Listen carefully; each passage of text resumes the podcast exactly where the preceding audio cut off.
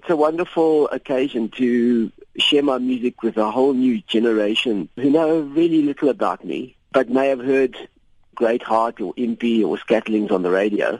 And so my show is designed to give them a lot of anecdotes, stories, and background, as well as playing, you know, all of my hits from Impi, Scatterlings, Great Hearts, uh, The Crossing, Dela, Asimbonanga, Cool Crazy Beautiful World. And then I have a very special guest which I'm bringing on stage, which I'm keeping secret for the day. Soos jy nou self noem, dis nou klomp jong mense wat op die koppie toe gaan, 17000 van hulle.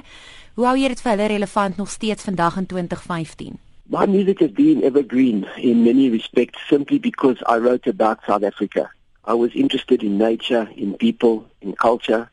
I was interested in the way different languages can be used to support each other in the same song. So I sang in, in Zulu and English in the same song. We were we were one of the first uh, bands to ever do that. That idea of cultural conversation is still a very important part of working out who we are as South Africans. And so my music has remained relevant. Songs which I wrote in the 80s are still being played on radio because they are put together in a way that is unique. Jy het aan die 80er jare naam gemaak deur die feit dat jy 'n wit man was wat in Zulu gesing het. Indien jy nou in 2015 met jou loopbaan sou begin, dink jy dit sal dieselfde effek hê as wat dit gehad het in die 1980s? Yeah, I think music is far more difficult today. I was a result of apartheid. I was somebody fighting against the separation of cultures, uh, the separation of values, the separation of languages.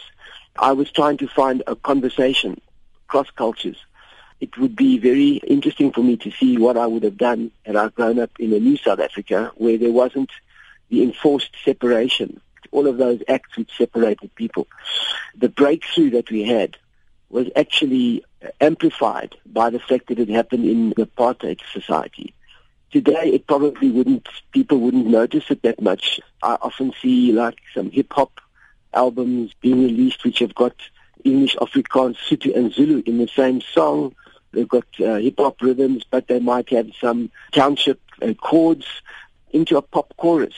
So it, it, crossover music has become fashionable, but in its own in, in its own way. You know, people discovering it by chance and not really making a statement about culture. So that, together with the fact that music as a career is a very, very uh, difficult thing to start off in these times and in this current environment. Jy het onlangs die orde van die Britse Ryk ontvang vir jou bydrae tot die kunste en demokrasie in Suid-Afrika. Wat beskou jy as jou gunsteling oomblik sedert jou loopbaan in die 1980s begin het? Yeah, I don't have a favorite. They're all very many which peak in my life. You know, I have peaks. And the huge success in France in 1988 was, was a massive peak in my career. We sold 1.3 million albums in 18 months in France alone. In 1986, I wrote a song for Nelson Mandela, which was banned in South Africa. And then we released it. We toured overseas, went to number one in 1988 in France. In the new South Africa, I was touring. I went overseas in 1999, and I was in Germany. And I was doing a tour, and I was asked while I was on tour that there was another sh- another show available if I could fit it in in Frankfurt, and I just wanted uh, uh, you know music from Africa, and I was there already, and you know would I do it? So I said yes. I went there and I did the show, and right at the end of the show, I sang Asimbonanga, and in the middle of the song, Nelson Mandela walked on stage and started singing the song. So I uh, I was just amazed, you know, because I'd written the song 11 years earlier during the state of emergency in South Africa, and as a songwriter, to have the man that I was singing on come on stage in another country, uh, sing the song with me, talk to the audience, and uh, stop the song and start the song, and it was just it was just the most amazingly poignant moment uh, as a singer songwriter.